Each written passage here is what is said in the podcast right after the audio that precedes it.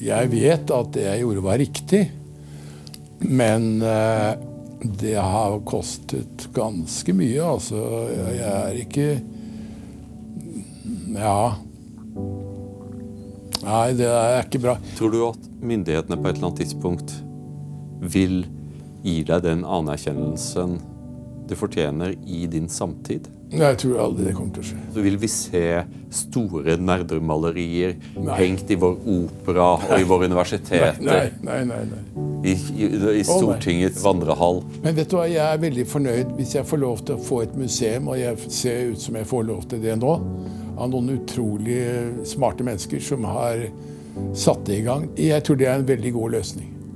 Selvfølgelig jeg hadde jeg vært lykkelig hvis jeg hadde fått et stort. Jeg mener at Nasjonalgalleriet står jo bare der. De kunne jo kanskje ha fått det klassiske maleriet inn der, men det skjer jo ingenting. Fordi kreftene er ikke der. Kreftene er på The Chicken Farm. Nei, det kan ikke skje.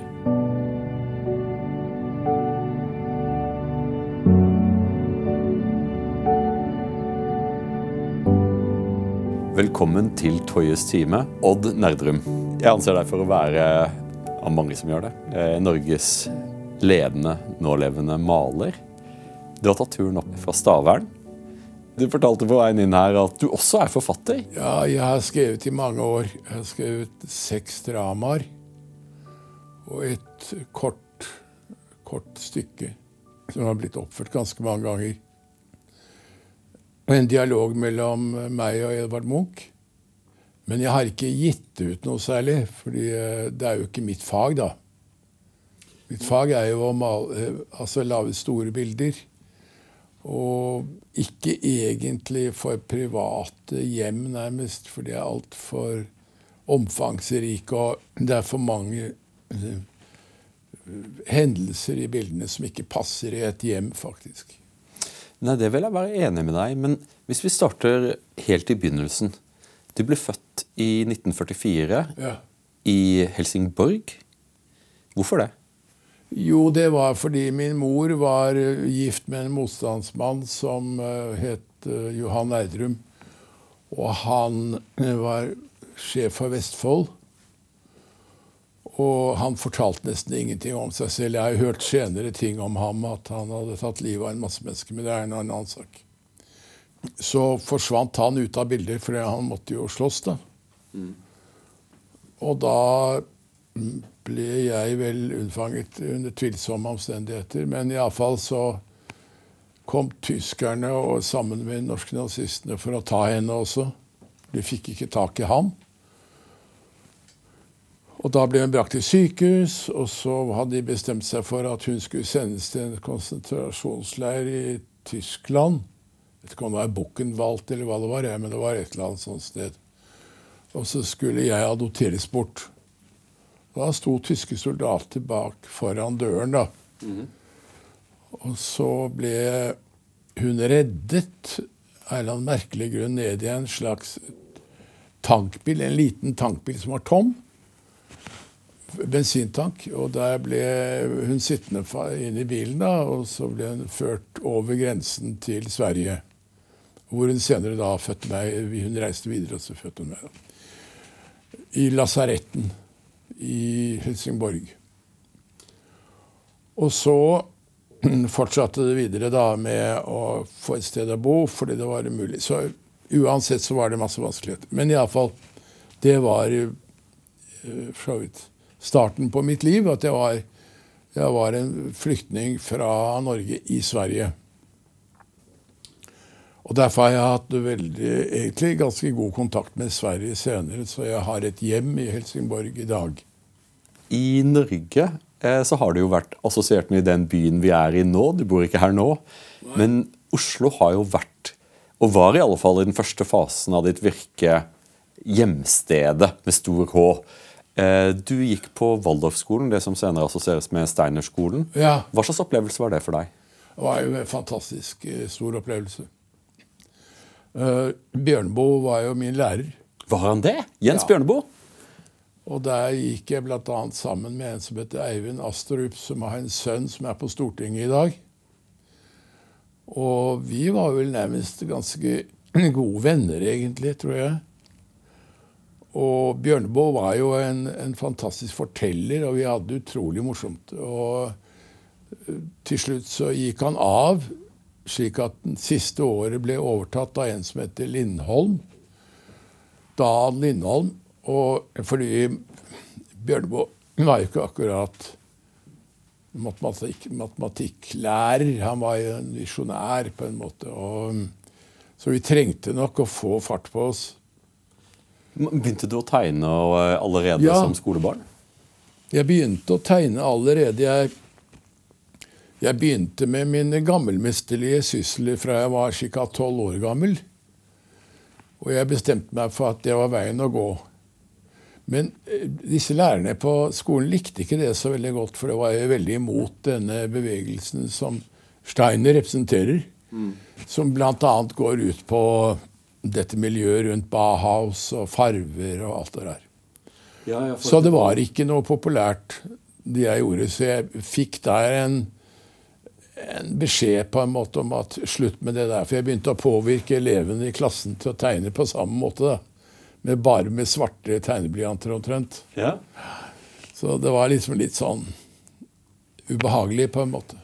Men det å velge å bli kunstner, det er et det er en vanskelig vei å gå. Var du klar over det som ung mann? Nei. Ikke i det hele tatt. Fordi min far, Johan, som var min stefar Han var direktør i SAS for øvrig. Han pleide alltid å si til meg Der går det en kunstner. Han het Michelet, tror jeg. Faren til forfatteren.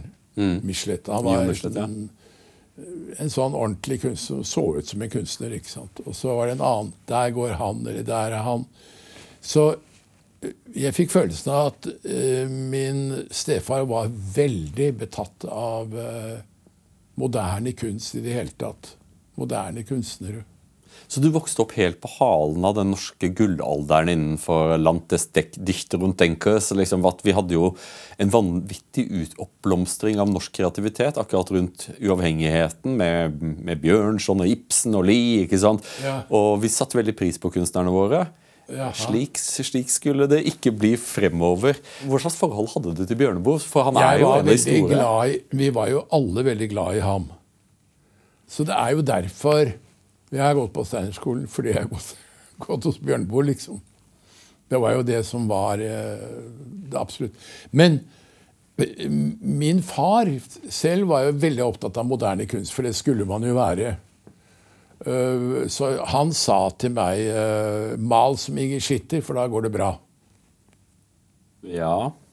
Inger Schitter var jo partimenneske, arbeiderpartimenneske, og fikk jo på en måte veldig mye gratis der, da, som alle gjør som melder seg inn i Arbeiderpartiet. De får litt, en liksom ekstra dytt da fremover. Da. Ja, for Grunnen til at jeg sier trekker på det, er jo at det var mange som, eh, som, som Inger Schitter, men vi husker dem jo ikke. Nei. Men er det ikke sånn da, hvis du selger din sjel til staten, så vil individene glemme det ganske fort, egentlig jeg, tror vel egentlig at det som gjør at mennesket får en no, blir husket for noe, eller man interesserer seg for dem, er fordi de har truffet et sårt punkt på mennesker generelt. Dette såre punktet, ikke sant? Dette lille nederlaget som du aldri kommer ordentlig over. Mm. Og derfor blir de husket. Unnskyld meg, men så enkelt er det. Det er, gjelder Ibsen, det gjelder Munch og det gjelder Rembrandt. Det gjelder stort sett generelt sett storhet, som vi kan se at man ikke glemmer mennesker. Det kommer av det sårepunktet. Den som følger Jens Bjørneboes ti råd til en ung mann som vil frem i verden, de kommer jo til toppen av samfunnet. Bare se på regjeringen og se på samfunnet vårt. Eh, de er jo slik alle sammen. De går stille i alle dører. Eh, de, eh, de, de, passer seg godt fra, fra å skape, vokter seg for å skape fiender. Er forsiktige med å ha meninger før striden er avgjort. Og de vil bli glemt. Ofte så er det jo slik at Jo, men de, de må bli glemt. Fordi de har aldri truffet det såre punktet, slik som Munch, Munch var så flink til i sin første periode. da. Mens han levde, han hadde dette såre punktet. Og Ibsen var jo fantastisk i løpet av disse her få samtidsdramaene han lagde fra dukkehjemmet til Hedda Gabler. Ja. Det er fire stykker som er sånn vidunderlige. Og jeg syns jo at gjengangere er toppen av alt han har laget. Jeg tror det er toppen. Så det er jo det som holder ham oppe. Disse øyeblikkene ute i verden er det iallfall det eneste. Når du leser eh, Ibsen, eh, det er ingen som kjenner nordmannen bedre. Han påpeker tilbøyeligheter. Alle nasjoner alle kulturer har sine egne tilbøyeligheter. Ja. Og noen er allmennmenneskelige, mm. og noen av dem er mer uttalte i enkelte, i enkelte kulturer. Ja. Og Ibsen han treffer jo så vondt. og det er, Jeg kan ikke fatte begripe hvorfor han er, blir så dårlig satt opp. Jeg var så folkefiende. Her snakker du om vanglete, vinglete, vet deg hvor hen går de norske menn. Kun av én ting, de eneste at storhet skal dødes og stenes. Nettopp. Ja, ja. Det er jo det. Men etter at du hadde, at du hadde tegnet og kanskje også eh, hørt at der går en kunstner, så skjer det noen ting i Stockholm, har jeg latt meg fortelle. Claudius Civilis, Rembrandts maleri som henger på Nasjonalmuseet i Stockholm. Kan du fortelle, hva betyr det bildet for deg? Jo, jeg reiste jo over for å se på pop art. Ble jo, du vet, Akademiet fikk jo penger fra staten. Og så ble alle betalt for, og så kom vi ble på en kuvogn inn til Stockholm for å se på en pop art-utstilling. Eh, og det, det var ikke så interessant for meg, så jeg gikk på, på, på Nasjonalmuseet for å se meg om der. Og så kom jeg til Rembrandts Claus Civilis. Og det er liksom Nordens nattevakt. da, liksom sånn. Og der ble jeg sittende i tre dager. Eller jeg bare gikk ut og inn og ut og inn og ut og inn. Og gikk litt for å få litt pust, og så gikk jeg tilbake igjen for å se på det bildet. Og da tenkte jeg at Vel, jeg har jo ikke noe valg. Og det kommer til å gå til helvete. For det hadde min far advart meg at hvis du fortsetter sånn, så går det til helvete med deg. Se på Inger Schitter, hva hun har gjort. Hun er godkjent og alt det der. Så jeg var klar over at det gikk til helvete da jeg sto foran Claus Civilis. Og så tenkte jeg ja vel, jeg må ta sjansen. Uansett. Fordi eh, jeg kan ikke komme forbi dette bildet. Jeg kan jo ikke, jeg kan jo ikke late som det ikke finnes. Akkurat som jeg skulle late som ikke grekerne fantes. Det er et kjempeproblem for meg. Hver gang jeg lager ben, tær, så tenker jeg jo Herregud, se på grekerne når de lager tær. Eller ben. Jeg kan jo ikke bare tulle bort det, eller late som ingenting. Jeg må jo kunne det. Dette er jo empiriens hemmelighet, ikke sant? Det er jo empiriens hemmelighet hos Aristoteles at du kan ikke stikke av fra virkeligheten. Du må prøve å lære å bli bedre og bedre og bedre. og bedre. Prøve å sette deg inn i det. Prøve å finne all kunnskap om det. Bedre og bedre. ikke sant? Ja, for, Men hva slags ego var det i denne unge mannen for å se på Rembrandt? Dette er jo ikke lett. Dette er, jo, det, dette Det er er jo- vanskelig. Det er jo helt vanvittig. Og når du ser på Rembrandt, så må jo tanken ha meldt deg om at det er jo mulig at jeg ikke kan klare dette. For det er, det er et myriade av teknikker og perspektiver som må mestres. Men du skjønner, jeg hadde Rubens i ryggen. Han hang på den andre veggen der. Han var jeg ikke interessert i. Og han er jo egentlig flinkere sånn, såkalt flinkere. Men det var noe med Rembrandt da, at han gikk i dybden. Og det var dette transparente med ham, at man fikk ikke ordentlig tak i det. For det var så inderlig, rett og slett. Det var over min forstand som et ungt menneske. Jeg var 18 år. Det var over min forstand på en eller annen måte. Rubens var grei, det skjønte jeg. Det er nesten det samme som å lese Donald Duck. Disse tegnerne er jo kjempedyktige. Men med Rembrandt var det et tillitsforhold mellom meg og det bildet som gjorde at jeg bestemte meg da for at det er bare én vei. Og som min far hadde advart meg, den går til helvete. Og det gjorde det jo på en måte også.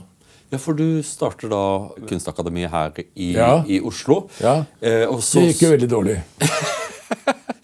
Ja. For det, var sånt ungdomsopprør fra professorenes side mot det jeg representerte. Det ble jo på en måte et ungdomsopprør. ja. For jeg var jo gamle menn som kom inn og sa vel ikke noe særlig. Men det var et ungdomsopprør mot meg, men de var blitt gamle opprørere. Ja, for du studerte under Åge Storstein og Alexander eh, Schultz. Ja. Og endte ganske fort opp i en strid med Rolf Rauschenberg. Du tenkte kanskje på Schönfeldt? Det må ha vært det. Ja. Han var en eh, rar mann som lærte folk å tegne. Og var eh, kunnskapsrik, så vidt jeg forstår. Men eh, jeg var det en gang, tror jeg, eller to ganger. Og jeg skulle kopiere noe av Michelangelo, og det var ikke jeg noe, syns ikke jeg var noe moro. For jeg har ikke likt å kopiere sånn. Du vet, Man kopierer for å lære, ikke sant. Men eh, jeg var ikke interessert i den måten å lære på, så det gikk ikke bra. Så var jeg inne på anatomien nede på universitetet. Og var med på å gå gjennom lik. Døde mennesker. Og da hadde jeg en uh, veldig nær venn som het Bjørn Ransve, og han fortsatte å gå der. Fall, han kom litt senere inn i bildet, men han begynte også å gå der. Men han var der mye lenger enn jeg var. Jeg, jeg klarte ikke det der, for jeg Med en gang jeg så fårikål, så tenkte jeg bare på instituttet på anatomiske, så, så jeg skjønte ikke hvorfor jeg egentlig var der.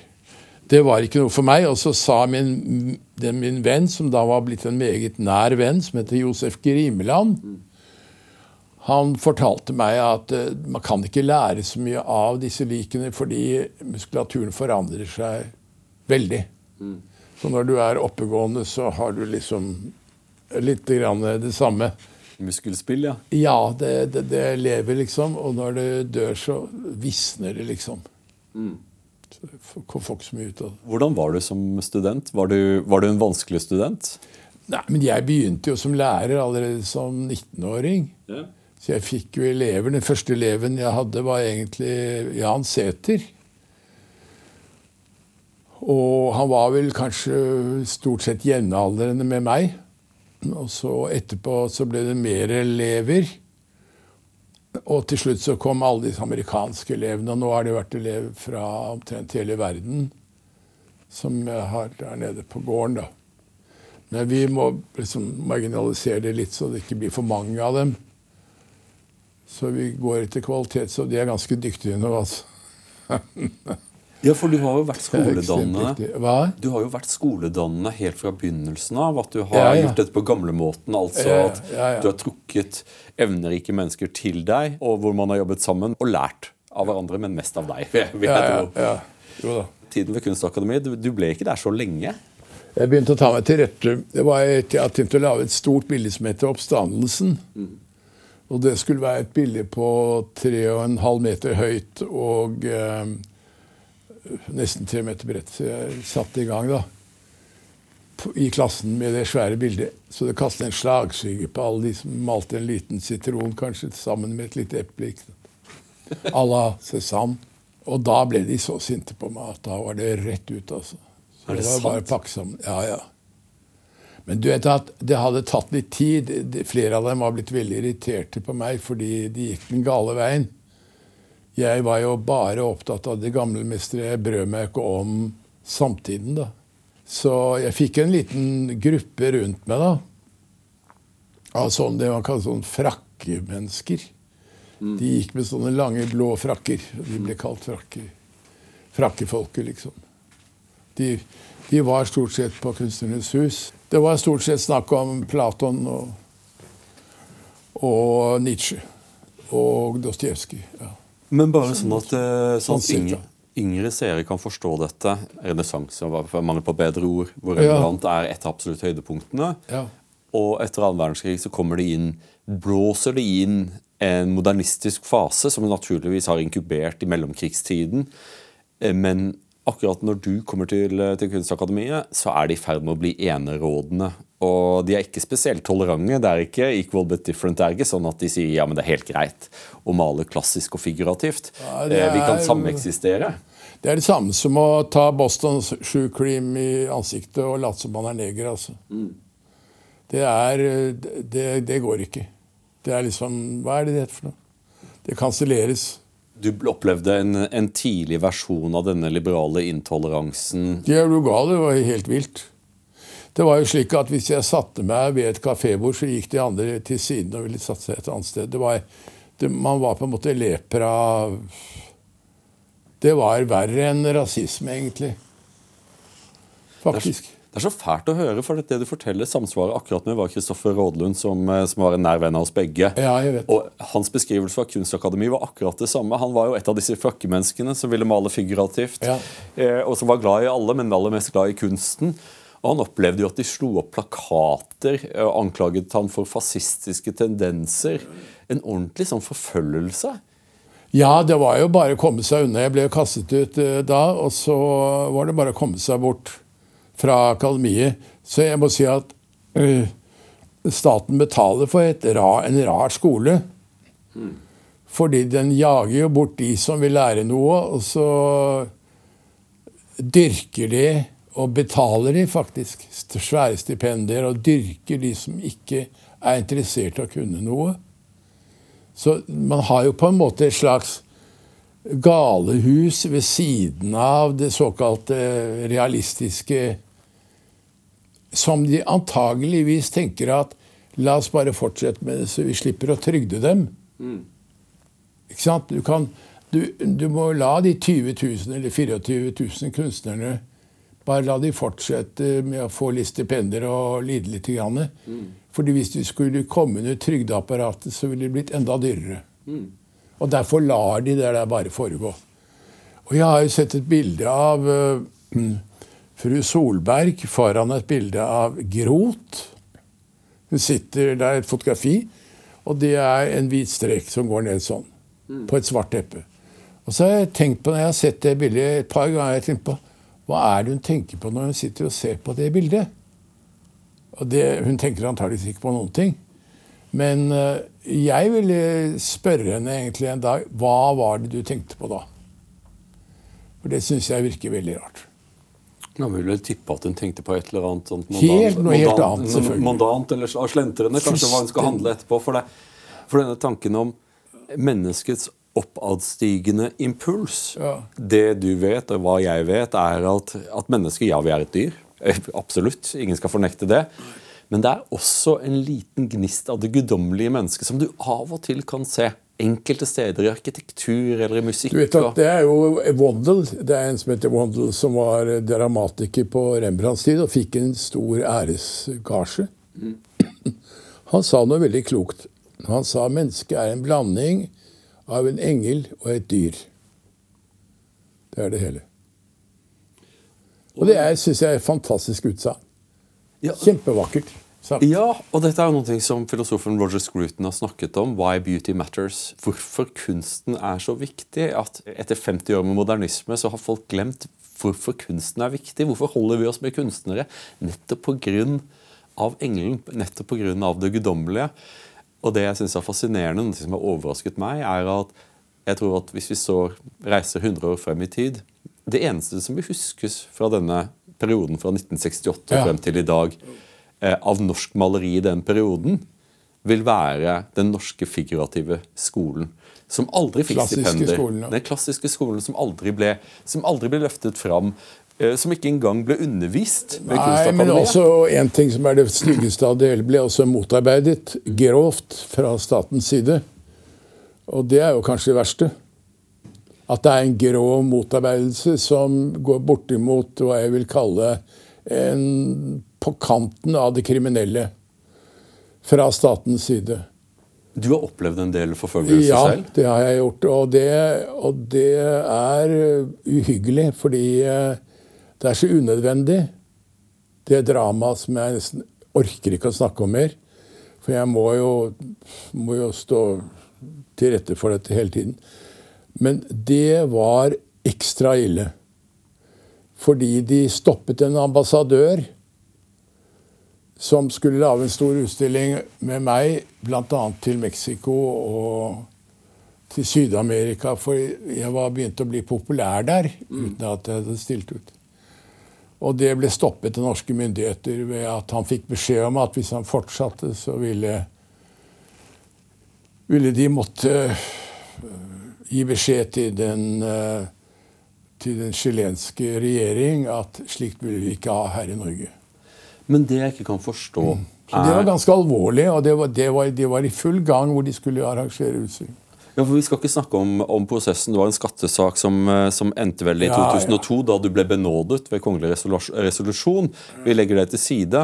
Men, men, det var en sak som hadde veldig mange eh, fantastiske overskrifter i Dagbladet og andre steder. Veldig mange eh, ja anklager som ikke viste seg å være helt så enkelt som de ble fremstilt. Og, men, her, men, du maler jo, i likhet med, eh, med mange av renessansemalerne, du maler jo i stor skala, som du selv sier. Det er ikke nødvendigvis bilder som egner seg i en, i en stue.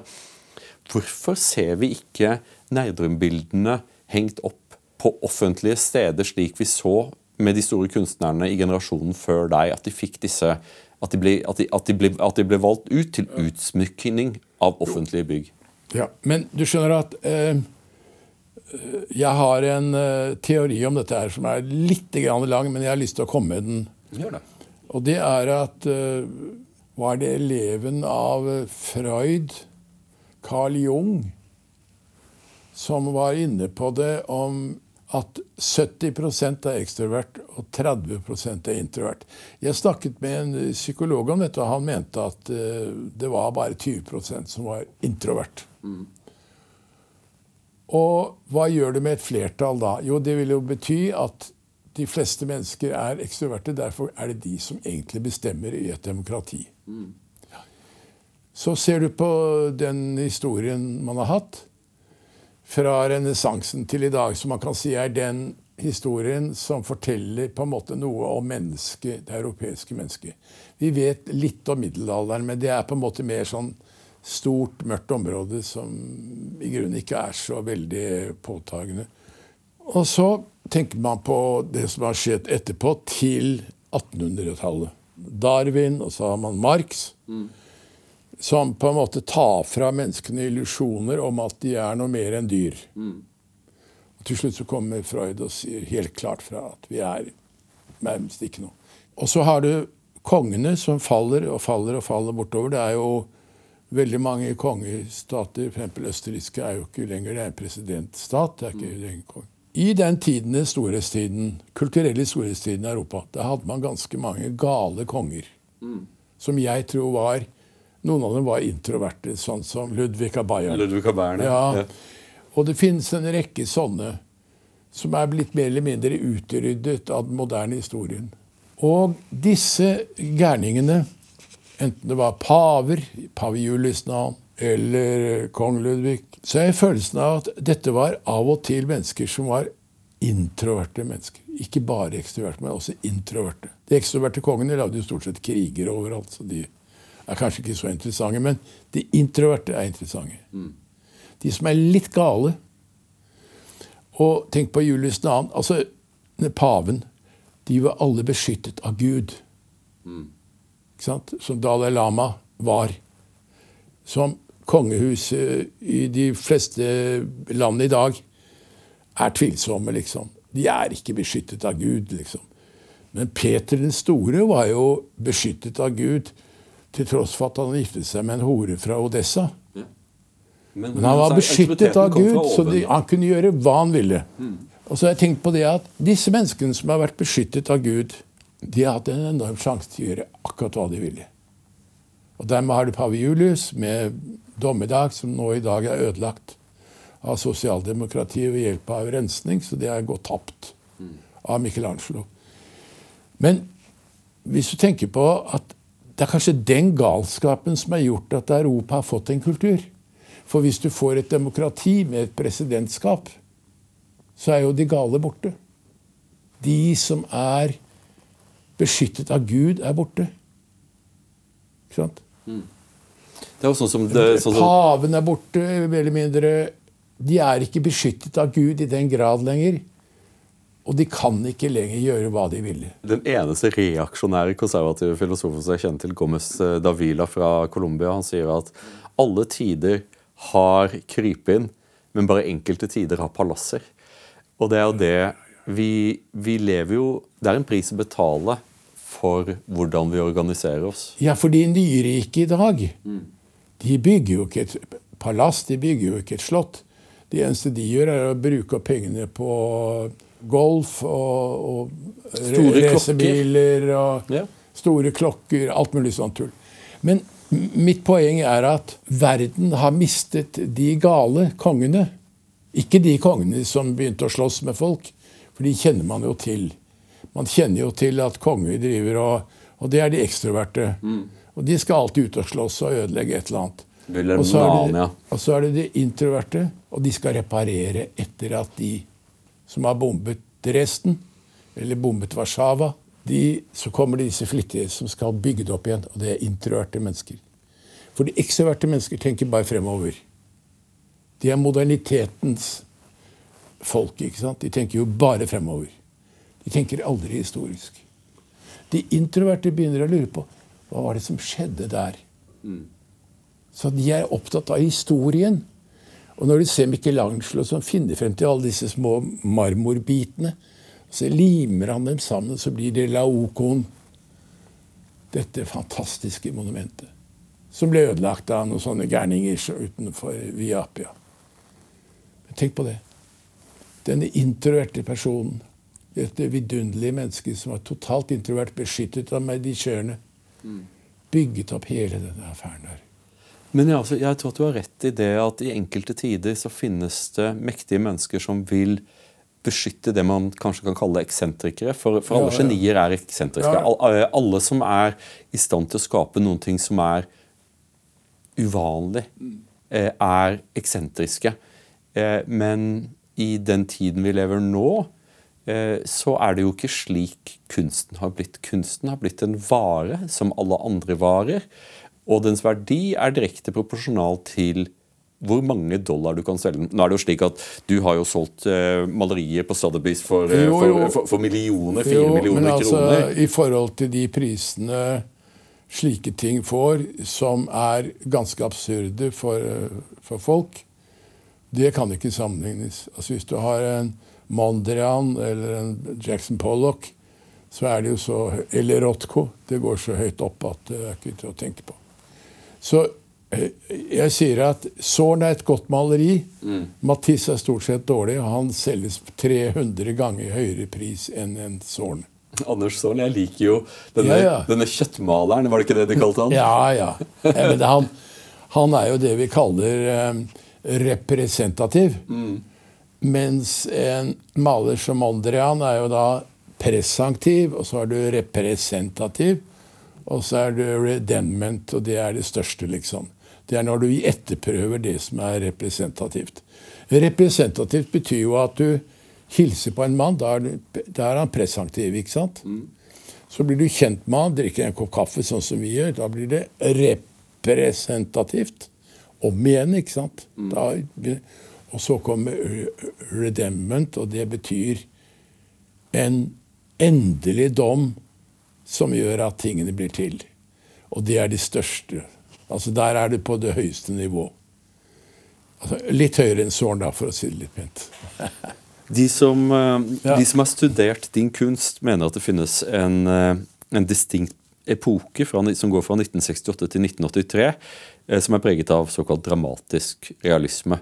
Du maler i denne perioden, det er vel i 1978, Ja. forestillingen 'Drapet på Andreas Bader'. Ja. eh, Som er det mest omdiskuterte og mest berømte politiske maleriet i Norges historie. Kan du fortelle litt om dette maleriet? For vi kjenner det jo alle. Jeg tror de fleste kjenner Det finnes fotografi, men dere har ikke sett bilder, for bildet blir nesten aldri stilt ut. Ja. Det er eh, eid av Astrid Fearnley-museet, men de har disse vekslende utstillinger. Det kan jeg snakke om senere, for det syns jeg er noe stort tøys. Når jeg kommer til uh, Free Collection i New York, så vet jeg akkurat hvor Rembrandt henger. Der og der. Så henger Fermer der. Og så kan jeg gå etterpå. Og det at jeg vet hvor det henger, er så fantastisk. Dette her med fleksibilitet betyr jo egentlig at det ikke er nok verdt til å bli hengende der for alltid. Og der henger alltid den polske rytter, og så henger selvportrettet ved siden av. Av Rembrandt. Så det er liksom et problem med, med den moderne utstillingsskikken. At jeg tror at, at, det må være nytt. Ja, jeg vet jo det. Eh, Alt det der. Mens det går imot hele poenget. Evige verdier trenger ikke fornyes. Du trenger ikke å forandre utstillingen for Men hvem tror du det er som står foran sånne ting i evighet? Jo, det er de introverte. Hmm. Det skulle vært flere av de introverte og mindre av de ekstroverte. Takk. Hvis jeg fikk bestemme. Men nok om det. Det ekstroverte, det er jo Det er jo et problem man kan tape en annen gang, men jeg syns det er veldig interessant at de aldri har noe forhold til historien. De 70% av befolkningen har ikke noe interesse av å skue bakover. Bare de introverte. Og unnskyld meg, men jeg, jeg, er vel helt sikker på at du er introvert. Jeg er dessverre å skuffe deg med at jeg er redd for at du tilhører de 20 men ok, skal vi fortsette? Ja, nei, men fortell, men fortell, meg litt om For du, du, du, maler Du blir jo du skaper jo furore i disse årene. Eh, du ja. er en maler som er i avisene hele tiden. Ja, ja. Eh, bildene dine blir diskutert, og ingen bilder blir mer diskutert enn drapet på Andreas Bader. For Andreas Bader visste jo alle hadde begått selvmord, Så, og du maler det som et, som, som et bibelsk motiv. Men vet du hva? Jeg var, jeg, det var en politimann som ble intervjuet om bildet mitt. Det var, kom helt tilfeldig at jeg slo på radioen mens jeg var i Sverige. Mm. Og han uh, hadde ikke noe forhold til meg. Han bare nevnte at var, jeg hadde malt, men det var ikke det som var poenget hans. Mm. Men poenget var hvordan visste Nerdrum at det var umulig å begå selvmord med høyre arm greie å putte revolveren i det skuddholdet der og ta livet av seg i nakken. Mm. Så, og han tenkte på det da han fikk se bildet mitt første gang. Er, hvor går, kommer dette skuddet fra? Og det var sånn som jeg hadde undersøkt. Mm. For det hadde han observert at det kunne ikke være mulig. Derfor måtte Andreas Bader være drept av noen andre enn seg selv. det var en politimann som ble intervjuet. For, for dette var jo et, politisk fenomen, Bader-Meinhof, for å ta med ja. fraksjon, var jo et fenomen som satte farge på veldig mye av venstreradikal politikk gjennom 1970-tallet. Jeg kjenner deg jo ikke så godt, men jeg tror ikke at du var noen ML-er.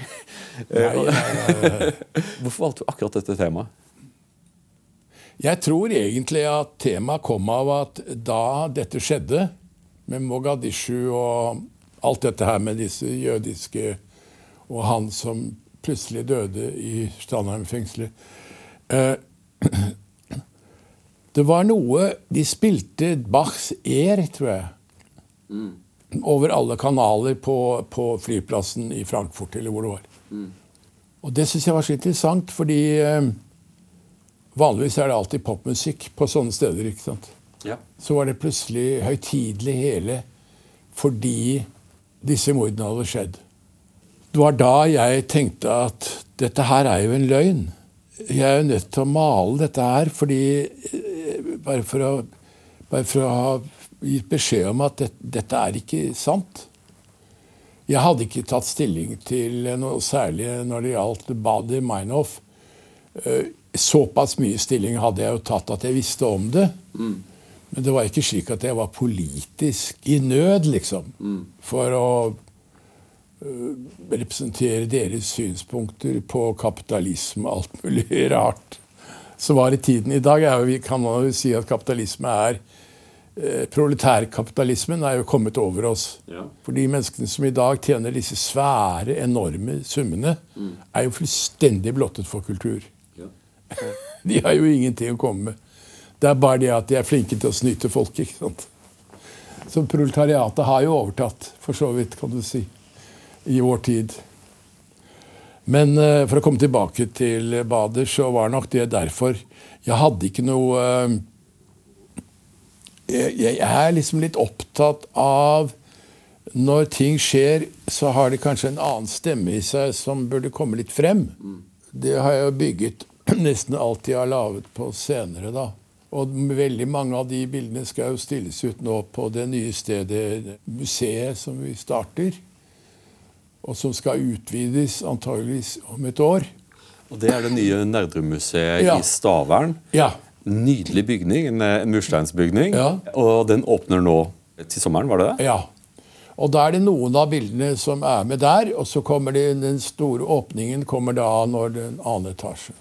Er det noen andre bilder fra den, eh, fra den epoken fra 68 til 83 som du, som du vender tilbake til, som du har selv, eh, selv malt? Nei, jeg har lagd eh, 'Flyktningene på havet', og jeg har lagd en del andre bilder. Men jeg, da jeg, i 82 eller 83 så tenkte jeg meg om, og så tenkte jeg jeg kan ikke fortsette med den herre eh, eh, sosiale oppfatningen av mennesket. For mennesket er jo sin egen fiende på en eller annen måte.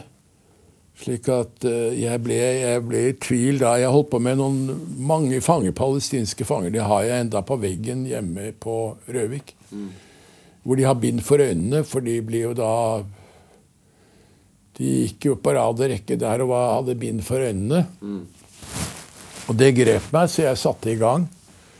Men mens jeg holdt på med dette svære bildet, så ble jeg så Nei.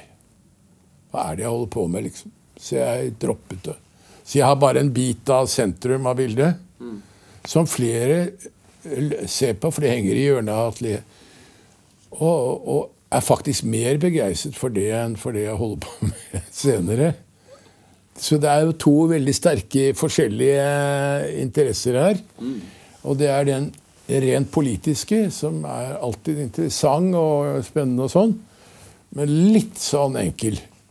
Den og alltid, alltid jordbunnen, fordi den, eh, det politiske vil alltid være jordbundet. Det vil alltid være, eh, vil være bundet opp i, et, i øyeblikkets forferdelser og hva som vi oppfatter som godt, sunt, riktig og viktig akkurat da. Noen ting jeg har lurt på er, Hva var det egentlig som skjedde i 1983? Hva var det Odd Nerdrum gjorde i 1983? For det er et så jeg vil ikke si at det er et markant Det, det er et brudd, i alle fall, som Ja, vel, fordi jeg eh, begynte etter hvert å interessere meg mer og mer for filosofi, og mindre og mindre interessert i politikk eller, eller en referanse i forhold til politikk. Jeg var mer opptatt av filosofiske ting. Ja, for fra 83 så eh, Fram til 83 så er du en markant skikkelse Ja. i samfunnsdebatten. Ja. Du kommenterer på ting, dine bilder blir omdiskutert. Du er alltid prima på, eh, på høstutstillingen. Skandalene. ja. Skandalene, ikke sant? Og, og, og hadde liksom fått deg en, en rolle som Jeg greide, jeg greide å gjøre ganske mye ut av høstutstillingen. Ja.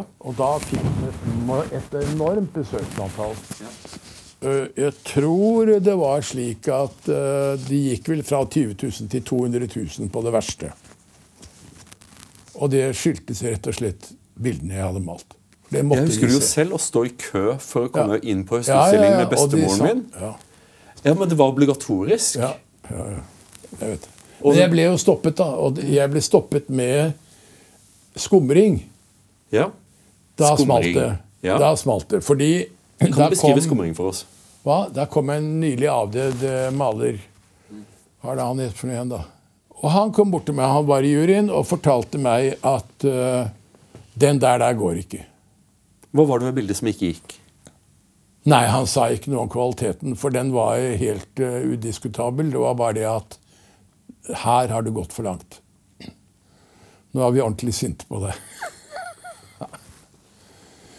Så jeg, jeg fikk en eh, Jeg fikk en reprimande der. Uh, at nå, nå, nå gikk du for langt, altså. Så det, det gikk ikke mer. Og det har jo vært satt i skammekroken siden da, og det er jo veldig lenge siden. Er flere og 40 år siden.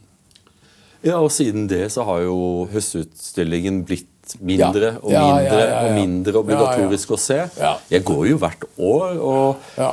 Og jeg bruker mindre og mindre tid der, hvis det er noe å gå etter. Eh, nå er det slik at jeg, jeg slentrer igjennom, og så titter jeg litt Ja, på noen ja. sånne installasjoner og, og grann, noen, noen forsøk på å kopiere bedre Ja, tidligere modernistiske stilarter, og så noen forsøk på å skape furore, men jeg blir ikke provosert, og så går jeg. Ja. Sånn gikk det. Jeg, jeg forutsa det fordi jeg sa hvis dere ikke er forsiktige nå, så, så blir det bare en utstilling som ingen går på. Det skjer ikke noe. Men siden så forlater du, du fedrelandet. Du flytter til, eh, først til- til Island, Ja, til siden Island. til Frankrike. Ja. Men nå så har du Jeg har stilt ut veldig mye i utlandet da. Ja. Eh, Men eh, så det var jo på en måte litt sånn Men det var jo den saken også, da de trusselbrevene kom, som gjorde at jeg ikke hadde noe lyst til å være i Norge lenger. Og jeg tenkte helt kynisk For Island hadde nå rettigheter til å lage personlige selskaper. ja. Og da skjønte jeg at der måtte jeg reise, for der kunne jeg lage et personlig selskap. Uten innblanding fra noen. For det skjønner jeg ikke av. Så jeg gjorde, det, jeg gjorde det og startet et personlig selskap.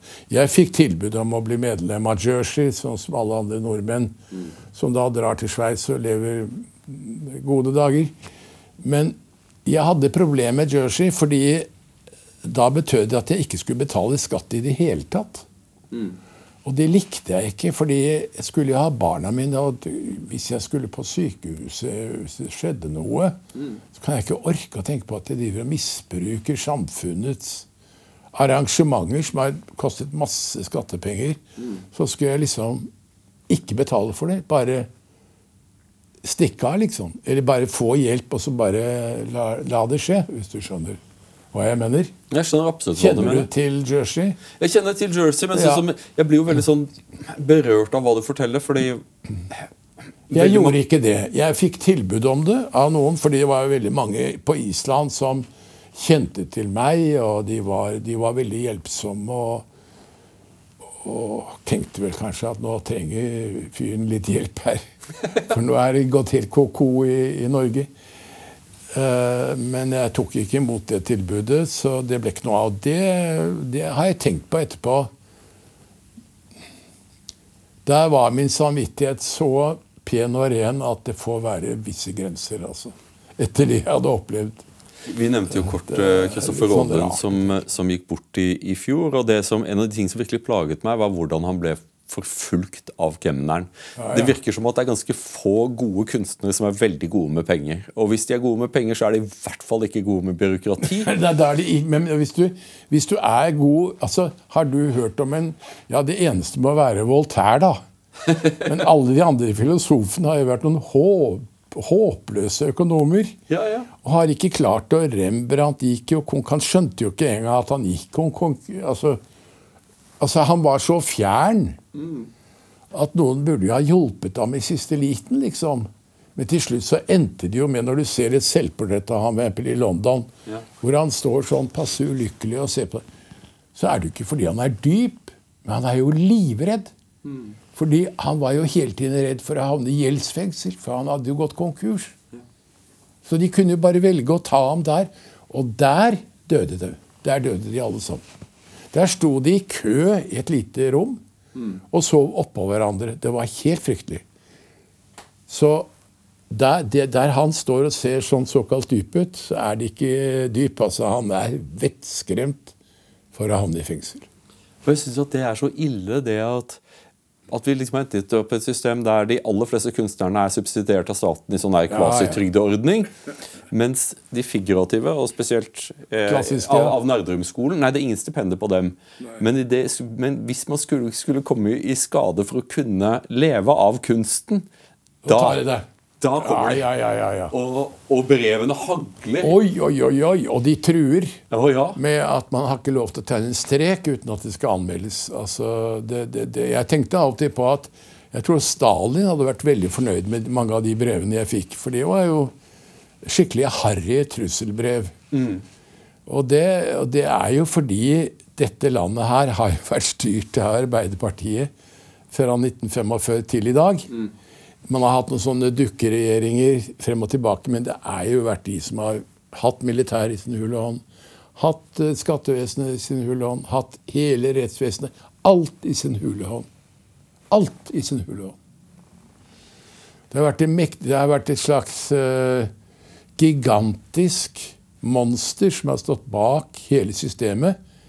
Og så har man liksom lekt seg litt med litt politiske skiftninger. Som ikke har hatt noe å si. Er For der sitter alle byråkratene bak. Og de er alle medlemmer av Arbeiderpartiet eller SV. Jeg, jeg vet ikke om det er medlem av Arbeiderpartiet, men jeg tror også at det er et element av liksom det Max Weber snakker om, at når man får rasjonelt ordnede systemer, som skal, målet er at det skal fungere som tannhjul i hverandre, så vil systemet i seg selv bli kaldt, og det vil ikke finnes rom for det uvanlige mennesket, det kreative mennesket, men det, mennesket som ikke er gode, og som aldri kommer til å bli gode på å fylle inn sin selvangivelse til riktig tid. men det kommer jo av, som jeg har snakket om, vi er alle, alle blitt verdiløse. Det er en chicken farm vi sitter i. Og vi er blitt verdiløse i bevisstheten om oss selv fordi Darwin har fortalt oss at vi er bare dyr.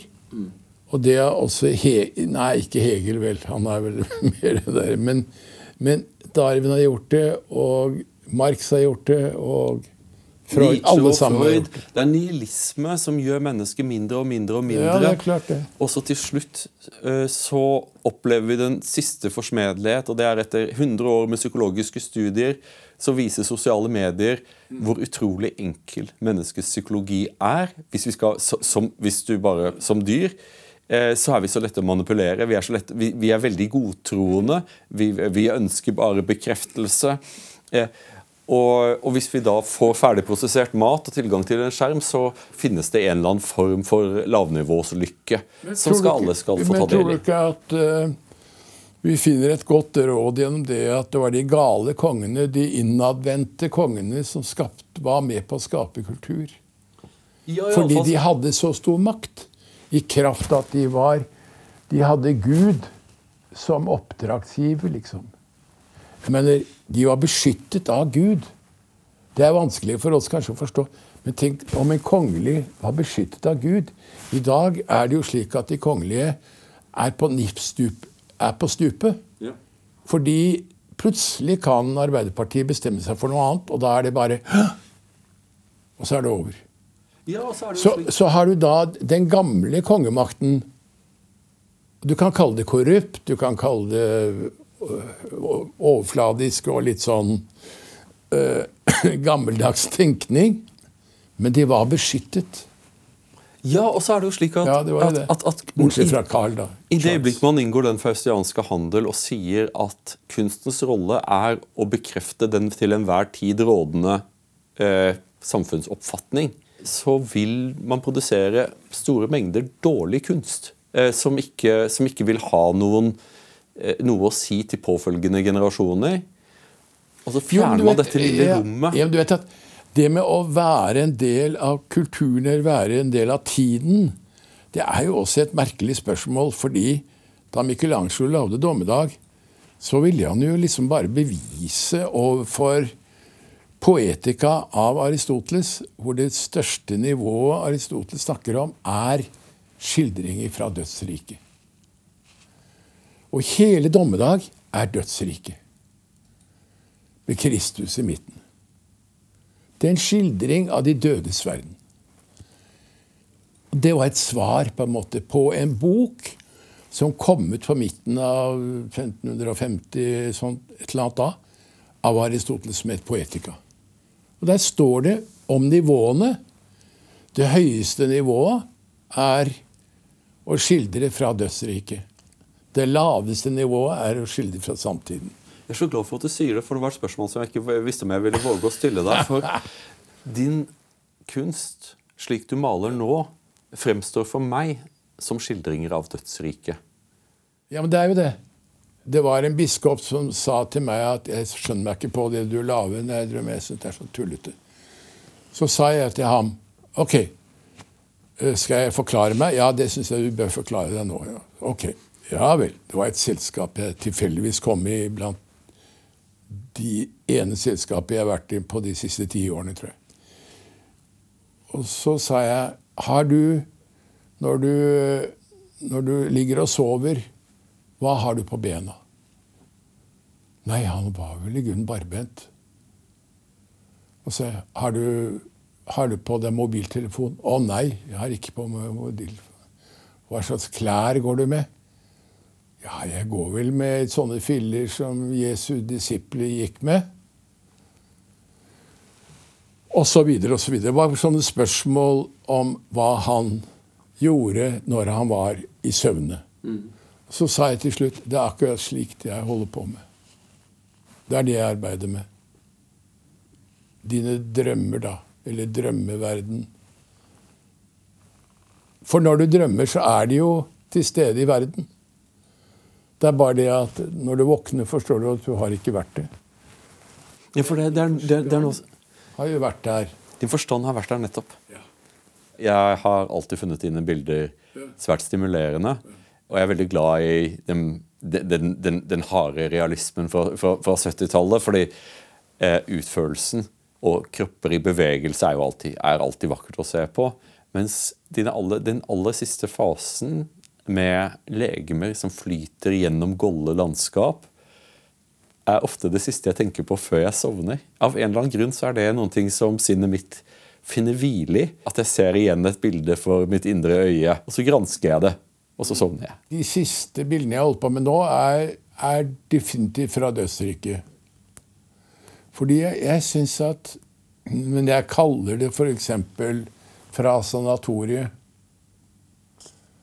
Eller sanatoriebad. Og det er de syke som får sjansen til å bade. Det, men, men altså, poenget mitt er at det er jo ikke egentlig noe sanatorium. Det er bare en symbolbetegnelse på et sted hvor menneskene får lov til å hvile seg. For du vet, I gamle dager hadde de jo kurbad. Ja. Og kurbad var et sted de kondisjonerte dro til når de følte seg litt skrøpelige, kanskje hadde ranglet for mye, eller kanskje til og med følte seg dårlig. Så dro de til kurbad. Og det var jo på en måte dødens venteværelse. Der, der var det et, et, Der kunne du trekke deg tilbake. Du kunne ligge i sånne store, deilige stoler med et ullteppe over deg og, og bli behandlet av tjenere som kom med noe vann, varmt vann, kanskje, for å rense kroppen og alt det der. Thomas Mann beskriver dette vidunderlige ja, det, trollfjellet. Det er jo det. Hans Castberg. Du har gjort et valg som jeg tror at veldig mange i vårt samfunn, uansett eh, hvor man kommer fra, skulle ønske at de kunne ta. For du var, du var en del av offentligheten. Eh, du, ditt, ditt, navn steg. Ja, eh, og så valgte du å trekke deg tilbake ja. fra det, du har ikke vært å se på NRK.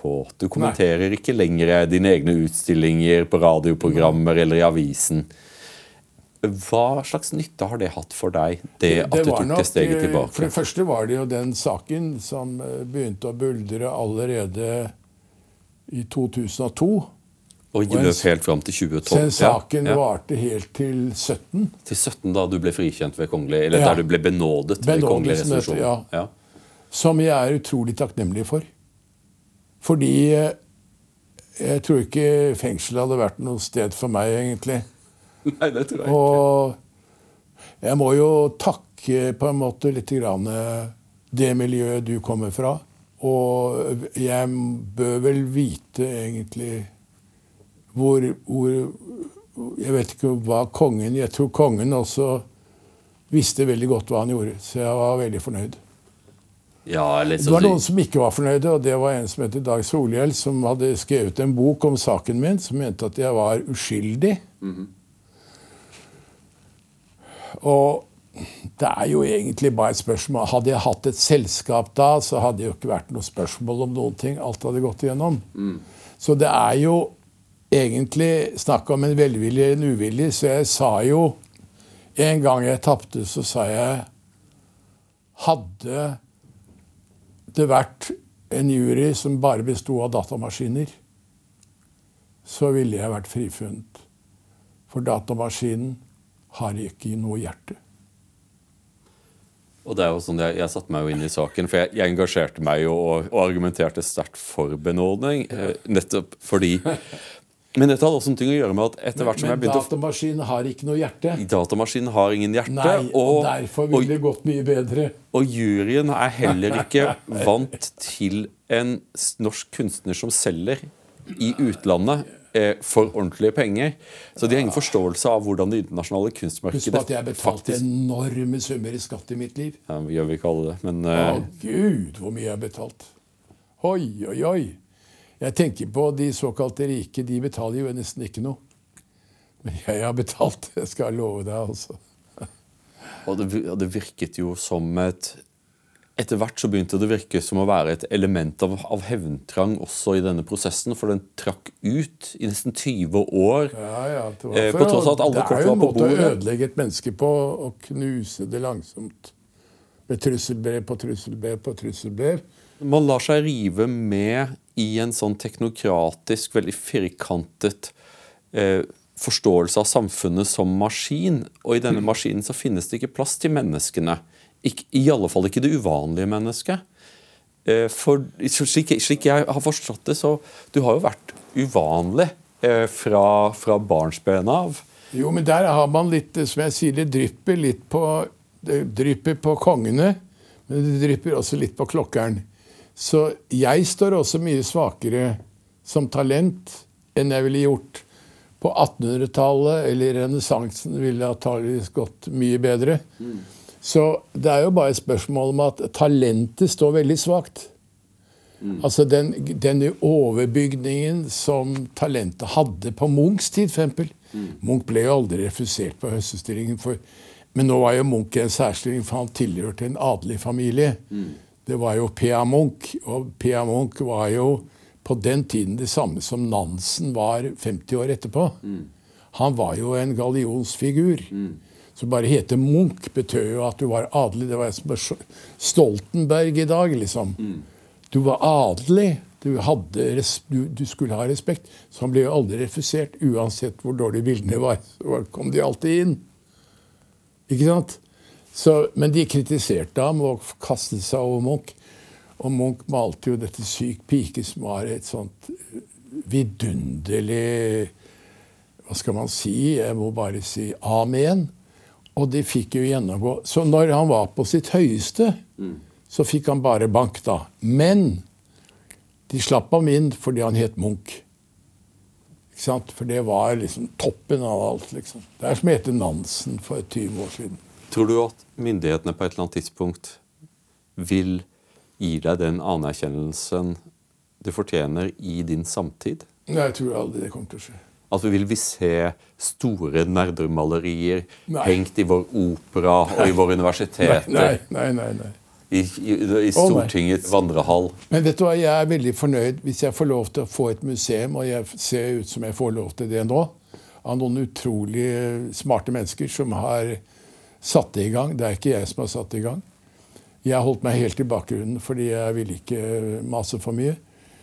Men jeg tror det er en veldig god løsning. Husk på én ting. Det er et Leonardo-museum i byen Leonardo da Vinci, som er knøttliten. Der har de et museum for Leonardo. Det går an å ha et museum på et bitte lite sted som blir antagelig slik at folk vil besøke det på det stedet.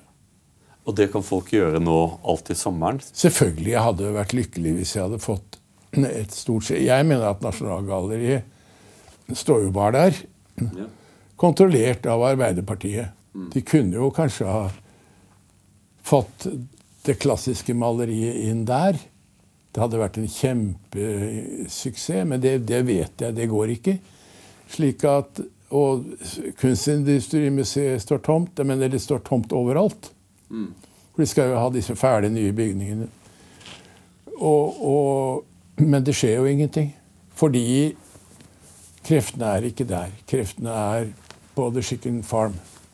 Ja, og så er det jo maktens maktesløshet. At jeg, jeg, at jeg tror at det store sjokket er jo det at selv om man skulle fått en introvert og mektig kulturminister som ville si at vi må ha et nerdrumrom ved Nasjonalmuseet. Naturligvis må vi det.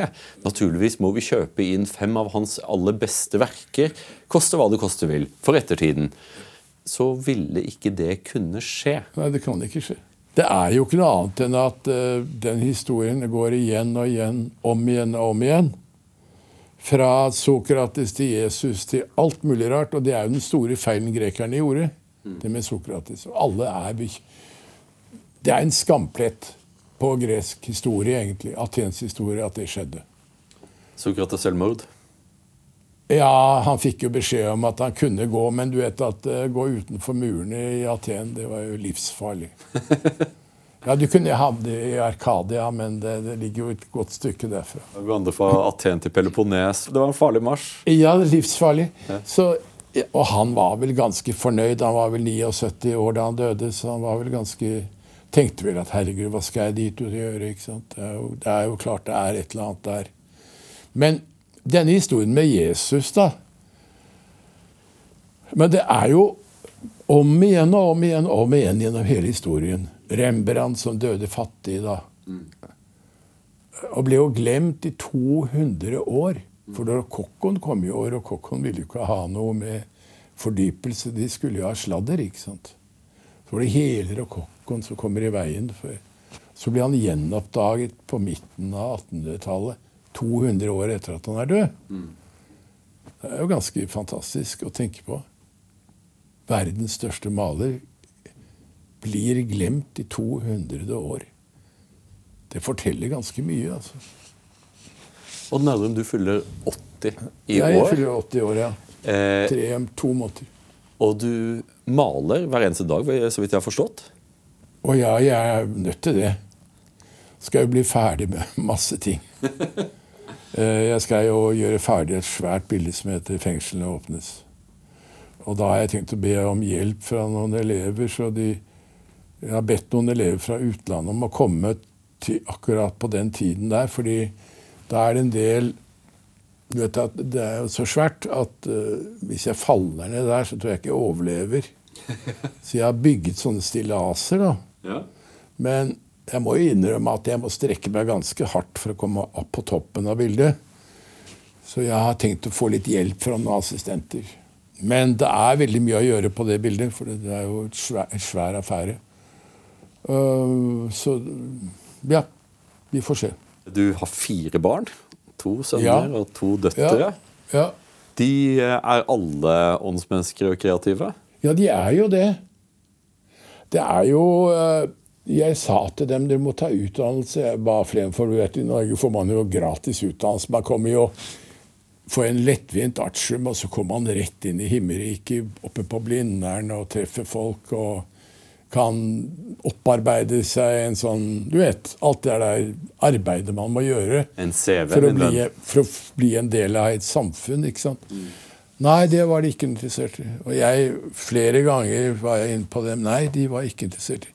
Så begynte de å bli sinte på meg fordi jeg ba dem vær så snill, gå og ta artium, så blir dere ferdig med det. Nei. De hatet skolen. Det var altså det dummeste de kunne tenke seg på denne jord. Så ja, Men av og til må man gå gjennom noe dumt for, for å oppdage at man har gjort noe smart. Ja. Dette her, snakker, dette her er jo snakk om møble, møblering av livet. Det, jeg har jo aldri tenkt på det, fordi jeg var jo liksom i svime hele tiden. Så jeg, jeg har ikke så veldig mye godt å si om mitt eget liv egentlig heller. Men jeg tenker jo på at det lønner seg alltid å komme seg inn på universitetet, for da kommer man innenfor et miljø, og da begynner de å ta det alvorlig. Jeg vet ikke, det er sånn som så Jeg hørte, hørte din sønn Øde si at, at han tidlig oppdaget at, eh, at du trenger ikke noe godt rykte for å leve godt. Og du trenger ikke noe godt rykte for å leve sant. Det å, å, å, å vandre fremover og forsøke å gjøre det rette Ja. eh, er viktigere enn denne CV-en. Vel, altså, der er jeg til dels uenig med ham, fordi jeg tror at mennesker må ha et helt spesielt talent for å klare seg. Det mener jeg helt alvorlig, og det kan man ikke regne med at man har. Det kunne ikke mine foreldre regne med heller. Så de ville jo at jeg skulle gå gjennom den der kverna der. Og så greide jeg å få smuglet meg inn på akademiet på den tiden jeg skulle, året før jeg egentlig tok artium, da. Så jeg ble akademiker ett år før jeg skulle bli det, liksom. Men jeg, jeg, er, jeg vet at det jeg gjorde, var riktig. Men eh, det har kostet ganske mye, altså. Jeg er ikke Ja. Nei, det er ikke bra. Men nå er de uenige med meg. og mener at jeg er en idiot som ikke forstår hvor dumt det er å ta artium og komme seg inn. Men du vet, alle disse små byråkratene de kommer seg jo inn, vet du. Ja, ja. Med, med sånne utsatte eksamener og litt juks og fanteri, så kommer de inn. Og så sitter de som en propp innenfor et eller annet sted i departementet og ødelegger for en masse situasjoner. Intelligente mennesker innenfor administrasjonen er helt avgjørende for at det skal gå noenlunde bra. Hvis en- effektiv administrasjon er en liten administrasjon, i det øyeblikket administrasjonen blir et sysselsettingstiltak, så vil den også bli ineffektiv. Så enkelt er det. Men fortell meg, er det noen bilder som du har gitt opp på, som du angrer at du ga opp på? Det er veldig mye jeg angret veldig på, og det er veldig mye jeg har ødelagt fordi jeg ikke syns det var bra nok. Jeg har vært helt forferdelig i den rollen der. Så hvis du spør meg om det, så sier jeg at eh, jeg husker ikke hvor mange bilder jeg har ødelagt i mitt liv, men det er mange, altså. Masse godt i spill. Jeg har en rull full av kasserte bilder. Som jeg har tenkt kanskje jeg skulle se på, men så har det ikke blitt noe av. Og så har jeg, noen av bildene er helt ødelagte. Jeg har ødelagt for alltid. Så sånn er det. Det er, det er beinhardt. Og jeg har vært ganske hard mot meg selv der. At jeg får bort det som er ille. Jeg har blant annet, jeg husker en gang det var en, det var en gang jeg skulle, det var et bilde jeg skulle gi Ja, det var et bilde. Jeg husker jeg skulle gi mot et kamera. Så betalte jeg det istedenfor, for jeg angret på at det mennesket hadde fått det bildet for det kameraet. Da tok jeg med meg kniven og så skar jeg det opp, og så betalte jeg full pris for bildet til denne mannen. Vi elsker jo begge to Kete Kolwitz. Ja, ja, greit. Enda hun er kommunist. Det må jeg tenke på. Hele huset mitt der nede er fullt av Kette Kolwitz. Og jeg er helt syk etter Kette Kolwitz. Jeg husker jeg sa til en sånn nyfeminist en gang, det var på begynnelsen av 60-tallet. Da var jeg veldig ung. Så sa jeg takket være Kete Kolwitz så tror jeg på saken din. Altså Hun var en nyfeminist da. Ja. Fordi Kette Kolwitz er bevist at hun er på et like stort nivå som de mest intelligente mennene jeg vet om. Hvilket, eh, hvilket talent, men hvilken smerte. Men det, da ender vi omtrent der vi startet. Fordi ofte så er det, er det et traume. Det er noe vanskelig, noe uforløst, som ligger eh, i kjernen av et, av et kunstnervirke. Kete Kolwitz' beskrivelse av tapet av sønnen i første verdenskrig Ja, alt det der. Er, det er noe som kan rive sjelen i, Ja, i ja. filler. Og utløpet kommer jo i form av kunst. Men det er jo nettopp det ved Kete Kålevis at hun øh, Plutselig så kjenner man det stikket i siden. Når man ser det. Så blir man ikke ferdig med det. Ikke sant? Men hvis du har folk som er veldig rike, hatt noenlunde bra, tjent masse penger, alt er godt, greit Hvordan skulle de oppfatte Kete Kolwitz? De kan jo ikke det. Nei, altså, De kan jo ikke det, da. Men altså, vi, Fordi øh, de har jo ikke antenner til å oppfatte det. Nei, men også det er flukten fra udødeligheten. Den, hvis du er jordbundet, hvis du er slik Nietzsche sa, at du er verden tro, og du lever ditt liv og nyter så mye som du kan på veien, og til slutt så blir det begravd som ei katte. Eh, brent, opp i en ovn, Ja. stappa i en urne, dytta i eh, Og så kan du få lov til å stå en liten stein over deg i 15 år, og, så, og, det, og det var det. Men det er så jo er helt du, makabert. Det er jo makabert, men det er jo Det er også helt tøys, hele greia. Begravelser er jo bare tøys. Men det er jo en, Bare bort med Men samtidig så er det jo slik at av og til vi mennesker, eh, når vi ikke da er i en storby, av og til så er det sånn at du kan rette, eh, rette blikket opp mot himmelen en stjerneklær natt. Og de tankene som melder seg, det, det er begynnelsen på da dette kunsten, engelen i oss. Dette Ja, som er jeg jeg større vet. enn det jordbundne Ja, pattedyret. Du vet, jeg kan det der. Odd Nerdrum, tusen Ja. takk for at du ville komme på Ja, det var kjempefint. Det har vært fantastisk å få snakke med deg. Veldig hyggelig. Nå er det bare snakk om å komme seg hjem. Hvordan får jeg det? Min kone, hvor er hun? Jeg skal finne din kone. Ja, takk for det. Tusen takk. Takk så mye. Ja, takk for det. Det var veldig hyggelig.